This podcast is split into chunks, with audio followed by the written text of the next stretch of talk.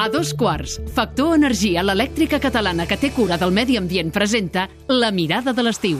La punt diari de Joaquim Maria Puy, el viatge a una illa de fora de la Mediterrània. Bon dia, audiència. Avui fixem la mirada en les illes Açores, un arxipèlag al mig de l'oceà Atlàntic i gairebé a mig camí entre Catalunya i els Estats Units. Si ajuntéssim les nou illes, la superfície ocupada seria inferior a la de Mallorca.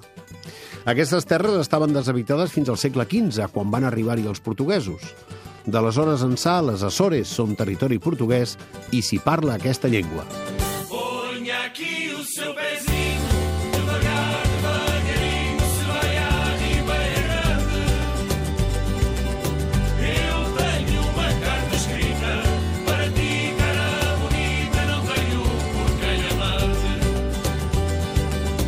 Estem escoltant la cançó Pezinho da Vila del grup Mirica Falla, una banda folk de les Açores que canta música tradicional. Vaig anar a les Açores ja fa uns quants anys i encara no s'hi notaven gaire els efectes del negoci turístic. Em va semblar un lloc que encara vivia en el passat, però, en part, potser per això, encantador. Dic en part perquè, alerta, els paisatges naturals que hi ha són d'una bellesa notable. De les Açores en sabia poques coses. A la informació meteorològica de la televisió en blanc i negre sempre parlaven de l'anticiclón de les Azores. I com tothom sap, Bush, Blair i Aznar s'hi van fer una foto l'any 2003. Com que van quedar ben retratats, ara molta gent els coneix com el trio de les Açores. Jo no coneixia res d'allò, però no va ser difícil fer-me'n una idea perquè les illes estan molt ben connectades i amb barques o avions bimotor d'hèlice és molt fàcil saltar de l'una a l'altra. Fins i tot la més occidental i petita, Corvo, té port i aeroport, l'Aerogare do Corvo, i un auditori modern que ja voldrien moltes de les nostres capitals de comarca. Els diners de la Unió Europea els han permès disposar d'equipaments que contrasten moltíssim amb un paisatge urbà tradicional i sovint humil. Aquell home que va a cavall repartint llet en aquest o aquell poblet, aquella mestressa que seguida del gosset va l'hort, aquella tomba que sembla una capelleta als afores del poble, aquells mobles de l'àvia, el del petit allotjament on has dormit, o aquell menú del restaurant que diu sopa de feijau, caldeirada de congro, beguda, pa i cafè, 6 euros amb 50.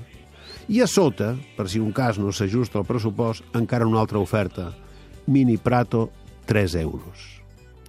La natura a les Açores és generosa. Vorejar les illes, aturar-te als miradors, veure panoràmiques amb penya-segats, congostos, prats i al fons l'oceà potent. Verda la natura, fosc el terra. I molins de vent, i coves, i rierols, i terres amb aigües calentes, i llacs, i prats, i arbres altíssims, arrenglerats amb la disciplina de la formació militar. Tots drets, buscant el sol, que sempre se'n va i vaig assistir a una festa popular amb vaques pels carrers. Per cert, a Terceira hi ha una notable plaça de braus. Però el moment del meu viatge va ser a l'illa de Faial, al port d'Horta. Aquest és el port de referència pels navegants que creuen l'Atlàntic. Doncs bé, el cas és que el port d'Horta està ple de dotzenes de grafitis, o potser centenars, que fan les tripulacions després de travessar a vela l'oceà i arribar sants i estalvis a port. És un mural tan llarg com el moll.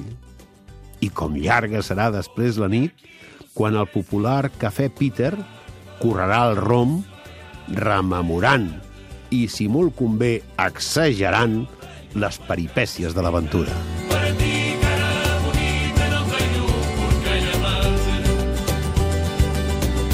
La mirada de l'estiu és una exclusiva de Factor Energia. En Manu, el Minimans, Manis pels amics, no, ha contractat la llum a Factor Energia i no, No. s'estalvia un 12,5%. Manu, contracteu tots la llum. A factorenergia.cat i no farem més anuncis. Per fi hi ha una altra llum. Factor Energia.